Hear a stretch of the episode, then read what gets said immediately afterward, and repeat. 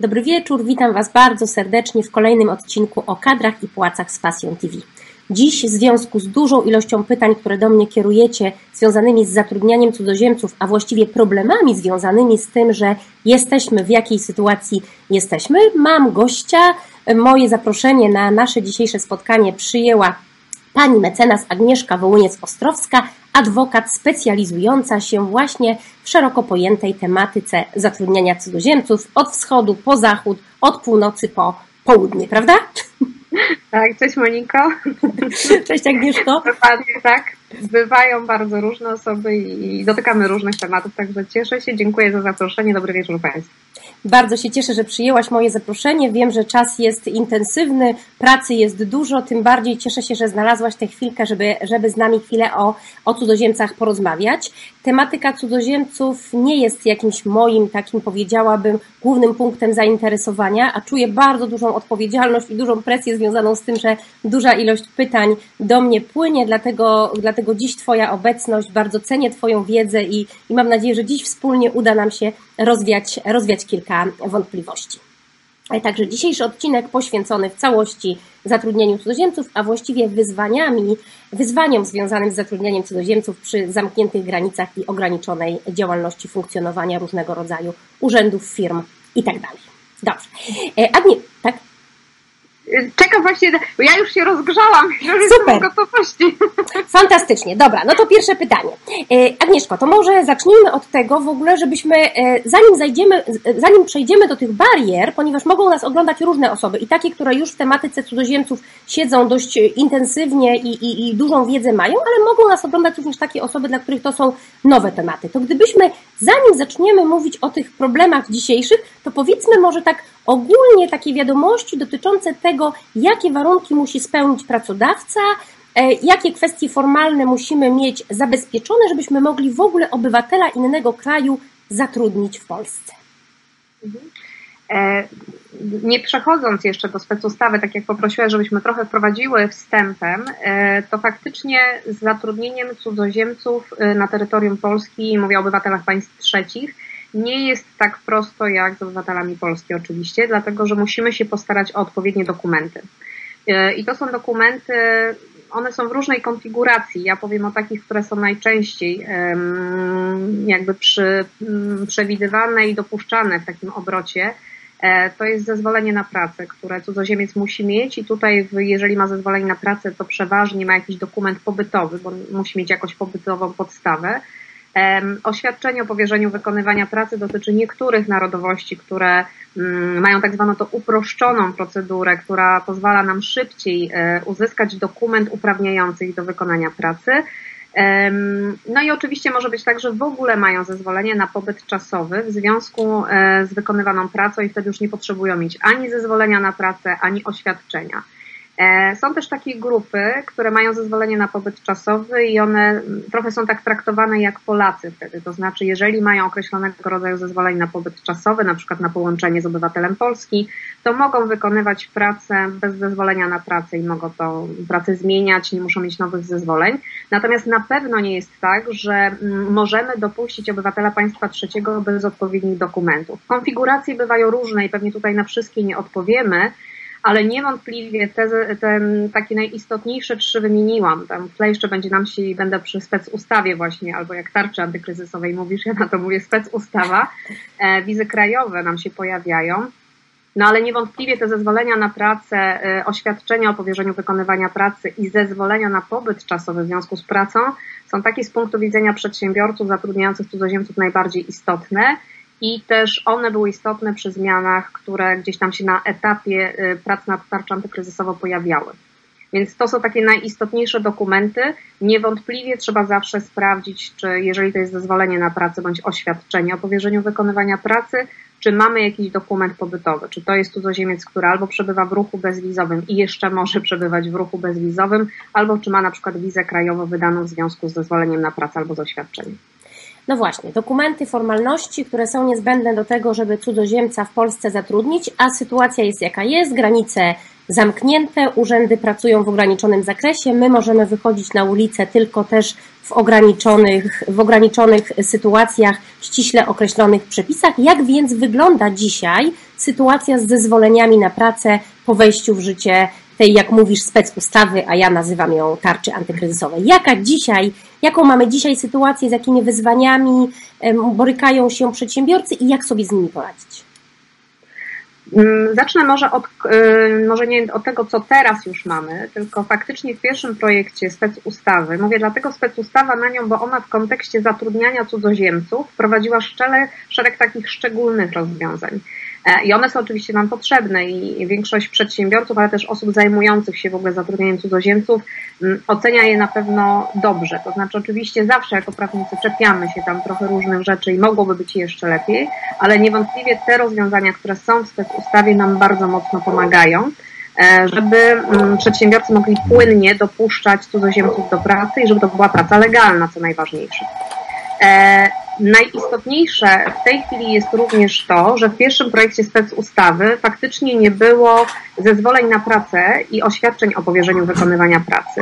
Nie było mowy o tych dokumentach i nie było mowy, co się z tymi dokumentami dzieje, więc to była bolączka dla większości e, przedsiębiorców, co dalej zrobić w kontekście, kiedy po pierwsze, urzędy się zamknęły przed nami, a po drugie, poczta też działa w ograniczonym zakresie i nikt, zastanawiając się nad kwestią e, prowadzenia biznesu, nie będzie myślał jeszcze nad kwestią tego, jak i czy w ogóle e, starać się o nowe zezwolenia na pracę czy nowe oświadczenie. Na szczęście zostały wysłuchane głosy wielu podmiotów, które gdzieś się zatrudniają cudzoziemców zajmują i już w tym ostatecznym projekcie specustawy, która teraz nas obowiązuje, weszły rozwiązania dotyczące i zezwoleń na pracę i oświadczeń o powierzeniu wykonywania pracy. Zacznę od zezwoleń na pracę. Mm, sytuacja wygląda tak, że te osoby, które mają, mówię tutaj o przedsiębiorcach, pracodawcach, wydane zezwolenie na pracę, którego okres ważności kończy się w tym okresie stanu epidemii, nie musi się zastanawiać, czy złożyć nowy wniosek, czy występować o przedłużenie, to zezwolenie na pracę ulega przedłużeniu. E, przedłużeniu z mocy prawa, więc nie musimy przedstawiać żadnych dodatkowych warunków, nic wysyłać, zastanawiać się, czy iść do urzędu, czy złożyć wniosek, czy coś tam dosłać. Więc to jest o tyle dla nas bezpieczna sytuacja, że w kontekście tej całej sytuacji, która no, martwi nas zupełnie czym innym, czy w ogóle pracować, jak pracować i czy zachować stanowisko pracy, pozwala nam te osoby, które są również w branżach, które intensywniej pracują, jak branża żywieniowa, e, czy niektóre inne branże, które w tej chwili pracują i mają ciągłe zlecenia, mogą wykonywać pracę na podstawie tego przedłużonego zezwolenia na pracę i ona będzie pracą legalną. Oczywiście na tych warunkach, które jest określone w tym zezwoleniu na pracę, ale na pewno to jest rozwiązanie korzystne, bo nie musimy się o to martwić.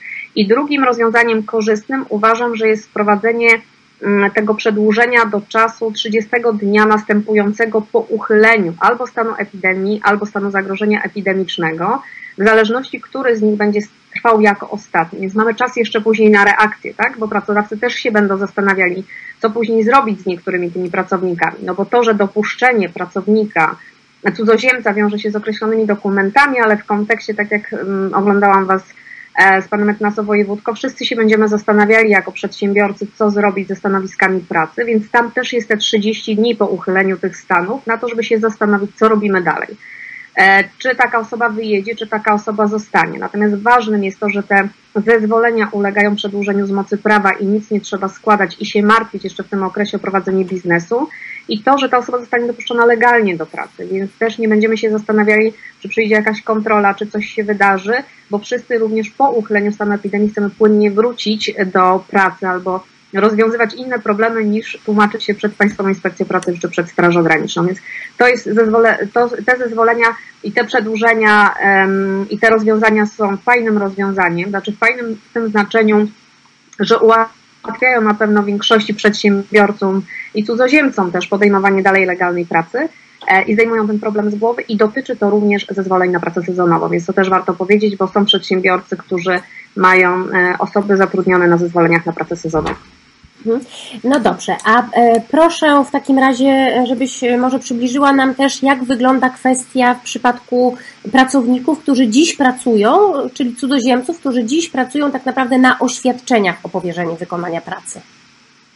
To była grupa, która bardzo też się niepokoiła e, w kontekście, kiedy się pojawiały w ogóle zmiany, projekty specustawy, bo nie było wprowadzonych na początku mhm. rozwiązań dotyczących oświadczeń o powierzeniu wykonywania pracy, a my mamy sporą grupę w Polsce osób, które pracują na tych oświadczeniach.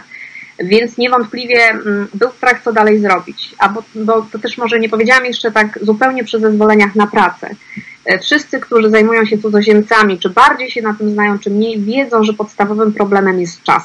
Czas uzyskania płynnie dokumentów, gdzie teraz, jeżeli jeszcze nie działają urzędy, a poczta też działa z bardzo dużym opóźnieniem, oczekiwanie po e, tym, że skończy się to oświadczenie na zezwolenie na pracę, to byłoby znowu takie stanie i tupanie w miejscu, co będzie, tak? Czy dostaniemy to na czas, czy możemy płynnie prowadzić pracę, teraz kiedy te finanse są i to prowadzenie płynne biznesu jest bardzo istotne.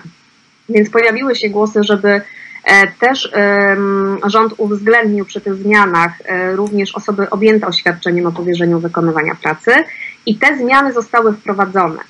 E, to dość szczególna regulacja, dlatego że osoby na oświadczeniach o powierzeniu wykonywania pracy przeważnie mogą tam pracować przez określony czas. 6 e, miesięcy i to jest też mm, tak, że części tych osób się teraz kończą oświadczenia o, powierzenia, o powierzeniu wykonywania pracy, bo też się do mnie zgłaszały, co po prostu dalej robić, tak? Jeżeli im się kończy powiedzmy 1 kwietnia oświadczenie i zgodnie z przepisami e, również między innymi ustawy o promocji zatrudnienia w instytucjach rynku pracy, oni nie mogli dalej kontynuować zatrudnienia zatrudnienia. E, no i tutaj mm, spec ustawa mówi takie trochę zakrywamy oczy. Nie widzimy tego, że tam jest to na te 6 miesięcy. Zakrywamy, nie patrzymy, możesz dalej pracować. E, ważne, żeby to było oświadczenie, jeżeli to jest oświadczenie wpisane do ewidencji oświadczeń, to możesz, mimo tych okresów, które tam są i które w normalnych okolicznościach wymagałyby już starania się o nowy dokument, teraz my jakby przymykamy oczy. Możesz, pomimo tych okresów, które już upłynęły, pracować na tym oświadczeniu na rzecz pracodawcy, który złożył to oświadczenie.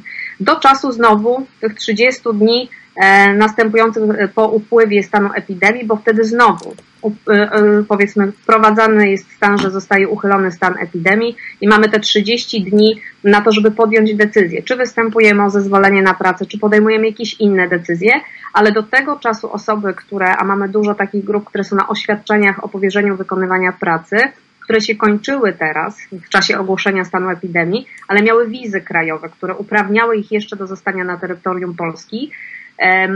W tej chwili dzięki temu, że oświadczenia są przedłużone tak jakby z, z mocy tych przepisów szczególnych, mogą pracować w oparciu o oświadczenie o powierzeniu wykonywania pracy i w oparciu na przykład o jakiś dokument pobytowy. Czy są w ruchu bezwizowym e, jeszcze, czy na przykład mają wizę krajową, która ich uprawnia, bo mm, no, te wizy krajowe są wydawane czasami na trochę tam dłuższy okres.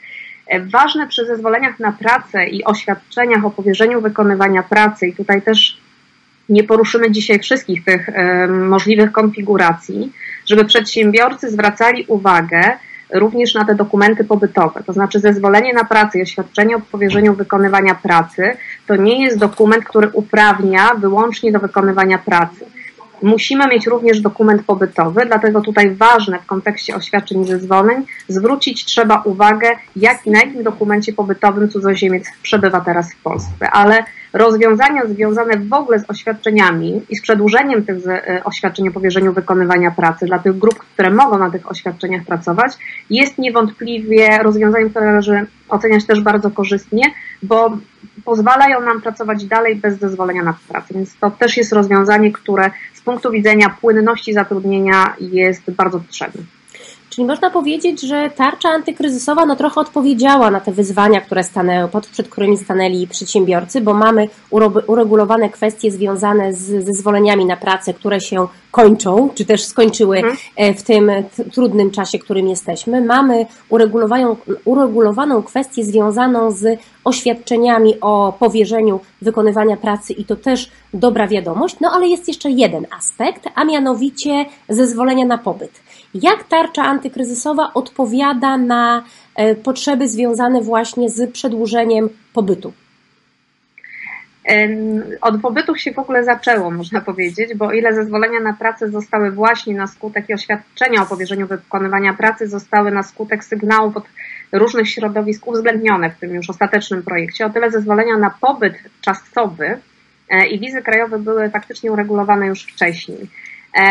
Sytuacja wygląda tak, że osoby, które mają zezwolenie na pobyt czasowy teraz w Polsce, a to jakby ustawa tu nie precyzuje, czy to jest na pewno tylko z pracy, aczkolwiek my też swój e, program kierujemy do pracodawców, więc ja będę się też koncentrowała na tych zezwoleniach na pobyt czasowy, które są związane z pracą e, wykonywaną na terytorium Polski. E, jeżeli ich ważność kończy się w okresie ogłoszonego stanu epidemii, bądź ewentualnie stanu zagrożenia epidemicznego, w zależności który z nich jak będzie trwał w Polsce, bo to, to się też może jeszcze zmieniać, e, te zezwolenia na pobyt czasowy też z mocy prawa ulegają przedłużeniu.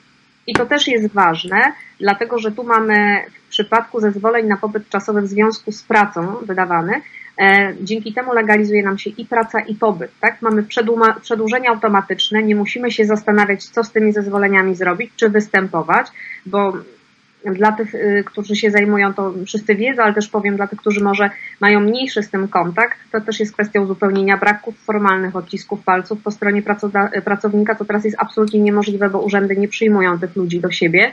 Więc to, że te zezwolenia na pobyt czasowy związku między innymi z pracą. Uległy przedłużeniu z mocy prawa. Jest rozwiązaniem o tyle korzystnym, że znowu mam za, zalegalizowany pobyt i mam zalegalizowaną pracę w związku z tym zezwoleniem i nie muszę się denerwować, co dalej zrobić.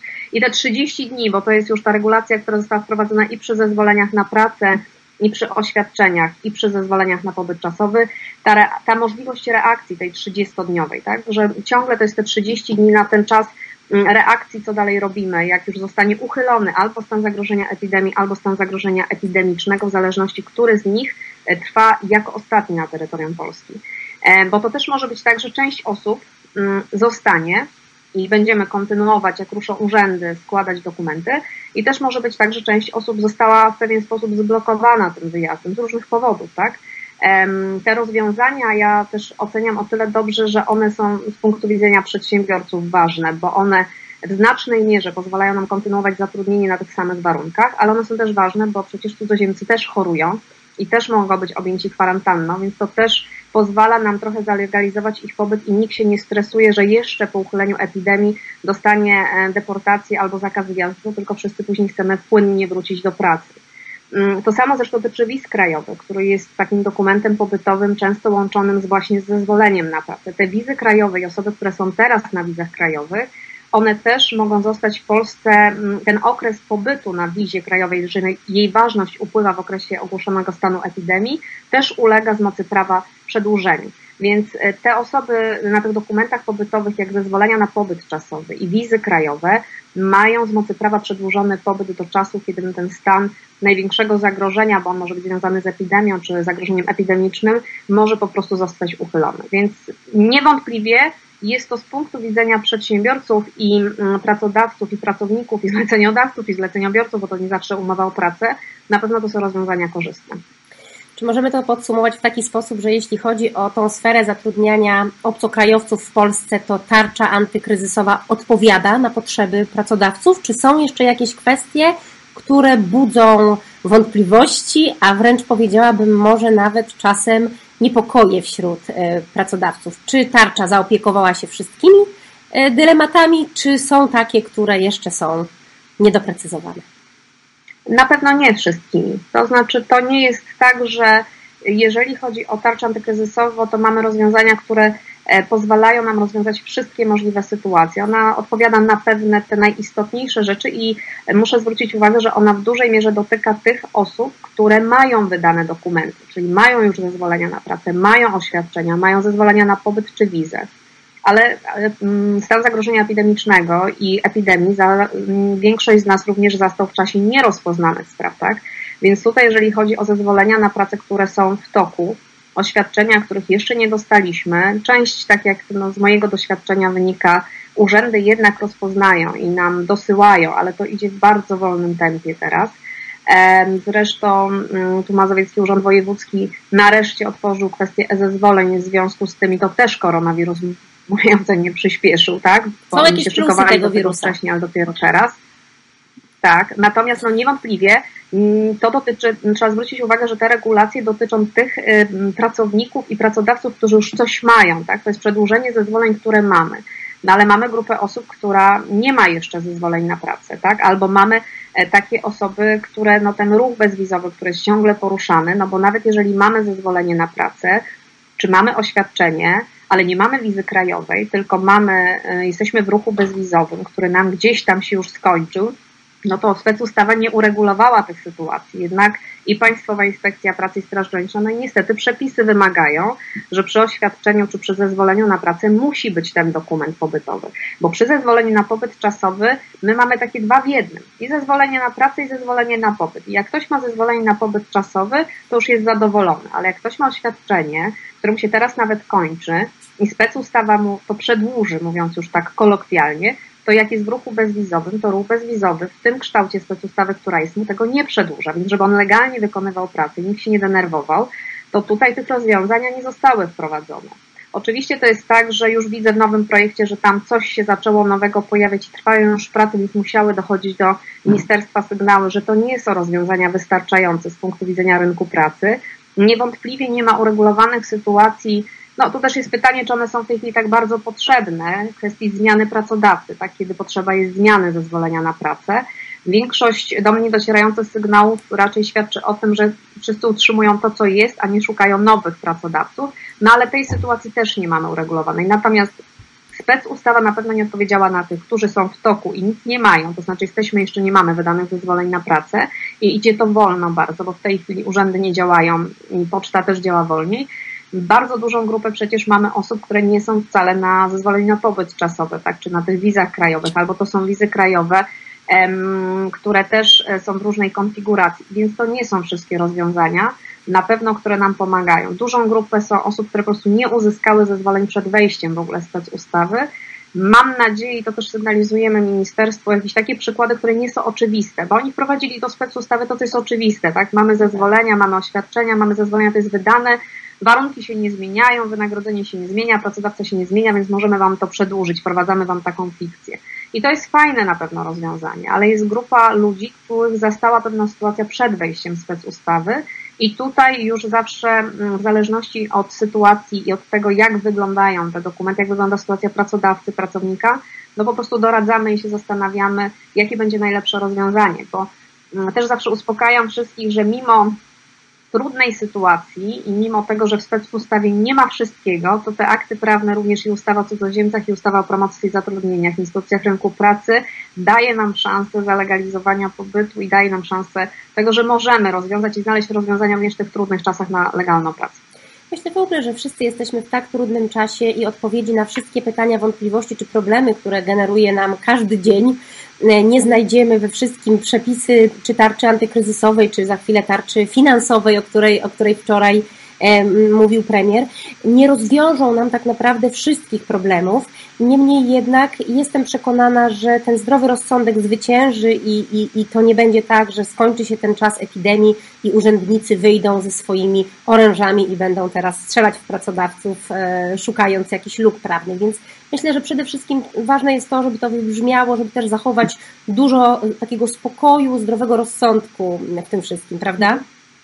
Znaczy niewątpliwie to jest ważne. To, co e, ja też śledzę i obserwuję, e, bo też zatrudnianie cudzoziemców, w ogóle zajmowanie się tym, to też traktuję jako pewną pasję i my wyszukujemy różnych takich rzeczy, które nas też gdzieś tam niepokoją, bo to też na pewno wiesz, Moniko, że w kontekście różnych Twoich doświadczeń nie ma to jak wykładnia y, i różne stanowiska różnych urzędów. No my mamy tutaj oczywiście i urzędy wojewódzkie i szef urzędu napisał na stronie co innego i różnie to przedstawił. Później jest, oczywiście ci ludzie będą wyjeżdżać, więc są jeszcze różne placówki Straży Granicznej, które też mają, mm, czasami potrafią 24 godziny zmienić swoje stanowisko. Więc y, też był taki problem w momencie, w którym w ogóle weszły ograniczenia w kontekście zamkniętych granic. Ja tutaj nie mówię o ograniczeniach na granicach e, z Ukrainą, Rosją, e, tylko też mówię o takich, które dotyczą granic wewnętrznych z Unią Europejską, więc oczywiście można było to też trochę przygotować wcześniej, wydać wytyczne jakieś już, chociaż nie jestem zwolennikiem jako prawnik tego, ale można było po prostu powiedzieć, już mieliśmy granice wewnętrzne wprowadzone, znaczy taką kontrolę i przy Euro 2012 to nie są rzeczy, których my nie przerabialiśmy, na które Unia jest nieprzygotowana.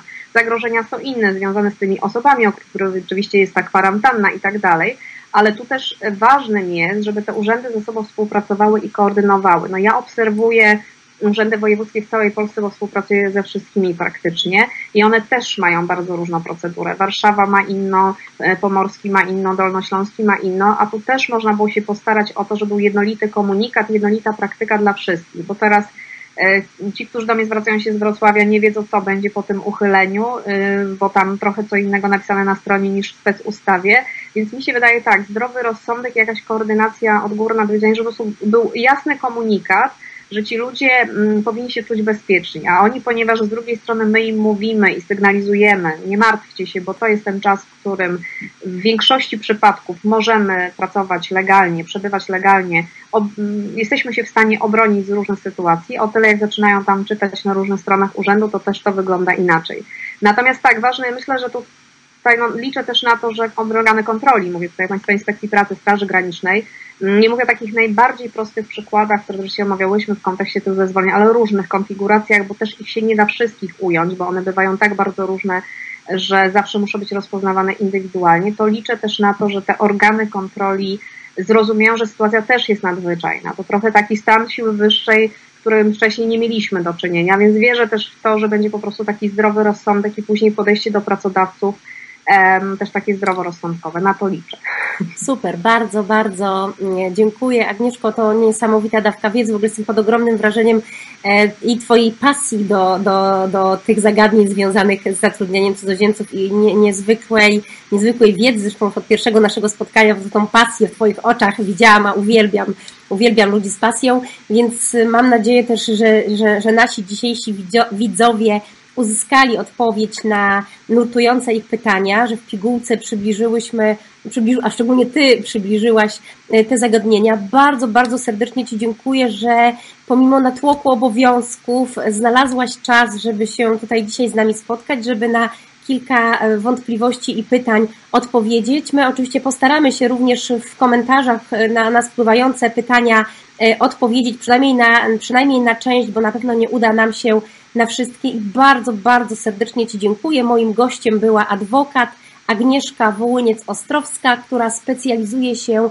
w legalizacji i zatrudnieniu cudzoziemców w Polsce. Do zobaczenia w kolejnym Bardzo serdecznie odcinku. dziękuję Moniko za zaproszenie. Mam nadzieję, że E, uda nam się jeszcze nie raz porozmawiać na te tematy, bo też jest dużo wyzwań, które są później przed nami. Bardzo serdecznie dziękuję, dziękuję Państwu i dziękuję za zaproszenie. Dziękuję również ślicznie i do zobaczenia w kolejnym odcinku. Dobranoc. Do zobaczenia, do usłyszenia. Dobranoc.